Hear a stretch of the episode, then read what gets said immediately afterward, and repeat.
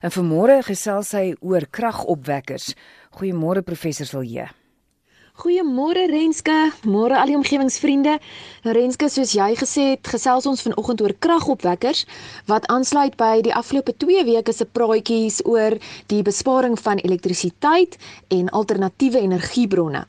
En Renska, as ek so kyk na al die reaksies op ons Facebook-blad en al die e-posse wat ek hieroor ontvang het, dan besef mens eintlik net weer hoe aktuele onderwerp alternatiewe energie tans in Suid-Afrika is en hoe baie mense op die oomblik ernstig kyk na hierdie alternatiewe energie opsies.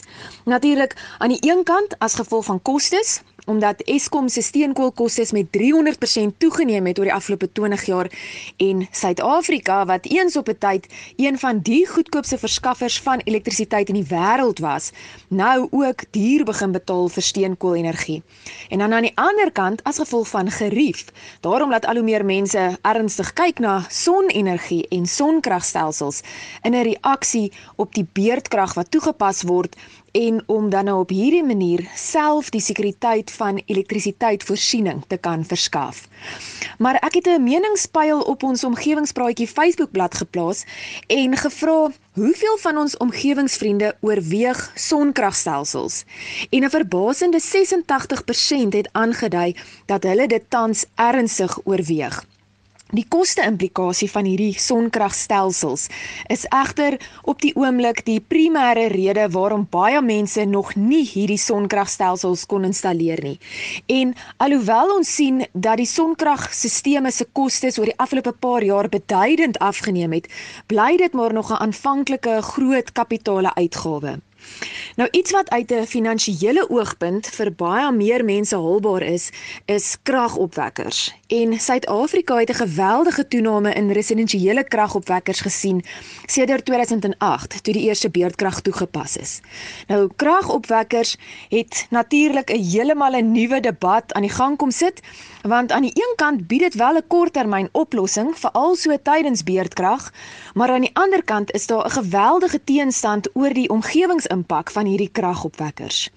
Ons omgewingsvriende verskil ook heelwat oor die gunsigheid van kragopwekkers. Met 43% wat op die meningspyl aangedui het dat hulle wel kragopwekkers oorweeg of reeds het, teenoor 57% wat daarteen gekant is. Daar is natuurlik nou al 'n verskeidenheid kragopwekkers beskikbaar, van petrol tot diesel en deesdae selfs ook gas-aangedrewe kragopwekkers wat oor die algemeen baie goedkoper is as die aanvanklike kapitale uitleg van sonkragstelsels. Maar Die lopende koste is weer aansienlik hoër. Per kilowattuur kan 'n dieselkragopwekker 4 keer meer kos as wat elektrisiteit sou kos. Die Medikliniek groep het um, onlangs aangedui dat dit hulle ongeveer 5 keer meer kos om hulle eie krag te genereer in teenstelling met die Eskom tariewe.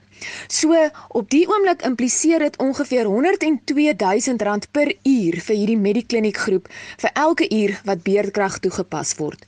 En as gevolg van hierdie stygende lopende koste, is daar nou al hoe meer 'n neiging om weer weg te beweeg van kragopwekkers en eerder van batterye gebruik te maak om energie te stoor vir tye wanneer beurtkrag dan toegepas word. Nou die nadeel om batterye met elektrisiteit te laai is dat daar baie kragverliese is omdat wisselstroom na gelykstroom toe omgeskakel word dis met die laai van die batterye en dan weer van gelykstroom na wisselstroom toe omgeskakel word met die ontlaai van die batterye. Die voordeel volgens die navorsing is dat dit egter steeds goedkoper is per kilowattuur om die batterye te gebruik as om 'n kragopwekker te gebruik. En dan natuurlik, nog verder is dit hierdie omgewingsimpak en die addisionele lug en die geraasbesoedeling van kragopwekkers. Nou die Wêreldgesondheidsorganisasie is van mening dat lugbesoedeling die enkele grootste omgewingsrisiko is. En op die oomblik is daar van ons groot stede waar lugbesoedeling reeds ver bo hierdie riglyn van die Wêreldgesondheidsorganisasie is. Natuurlik Uh lugbesoedeling is die gevolg van verskeie aktiwiteite, maar die tempo en die toename van kragopwekkers dra nou verder by tot hierdie omgewingsprobleem. En terselfdertyd word die geraasbesoedeling ook erger. En geraasbesoedeling is een van die probleme in ons stede wat regtig dikwels onderskat word, maar wat verskeie kort- en langtermyngesondheidsimplikasies inhou.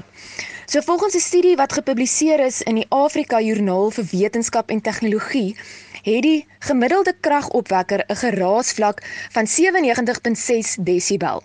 Dieselkragopwekkers genereer so 88 desibel terwyl petrol of die gaskragopwekkers tot 95 desibel kan genereer. Nou dit in teenstelling met die Wêreldgesondheidsorganisasie se riglyn vir residensiële areas wat op 50 desibel is. So alhoewel kragopwekkers 'n korttermyn oplossing bied vir altydens beurtkrag en eintlik 'n deel geword het van ons realiteit, is dit nie die omgewingsvriendelike oplossing nie. So daarom moet ons as omgewingsvriende so ver moontlik poog om kragopwekkers oordeelkundig en slim te gebruik. Aan te skakel net tydens hierdie noodgevalle en so ver moontlik te poog om die bure en die omgewing in ag te neem. Van ons omgewingsvriende het reeds klankbokse gebou om die klank te demp van die um, kragopwekkers en ander kyk weer na biogas opsies vir kragopwekking. So op daardie punt Renske as groen gedagte positiewe omgewingsingesteldheid. Die wêreldbevolking stuur tans op 7 miljard af en dit gaan al hoe meer druk op ons aarde se hulpbronne plaas wat impliseer dat ons nie meer kan bekostig om net aan ons eie korttermynbehoeftes te dink nie. Ons moet basies al ons menslike aktiwiteite noukeurig oorweeg. So dis van stedebou tot landbou, tot vervoer tot energieopwekking en dit met 'n positiewe omgewingsingesteldheid aanpak en kreatiewe oplossings probeer vind wat ons omgewing kan help. So op die punt ook dankie aan ons omgewingsvriende wat help met hierdie positiewe omgewingsingesteldheid en om dit te bevorder en vir al die saampraat en die saam dink so op ons Facebookblad en via die e-pos en mag julle ook 'n groen en 'n geseënde naweek en 'n week hê en baie groete hier vanuit Potchefstroom. Dankie Renske.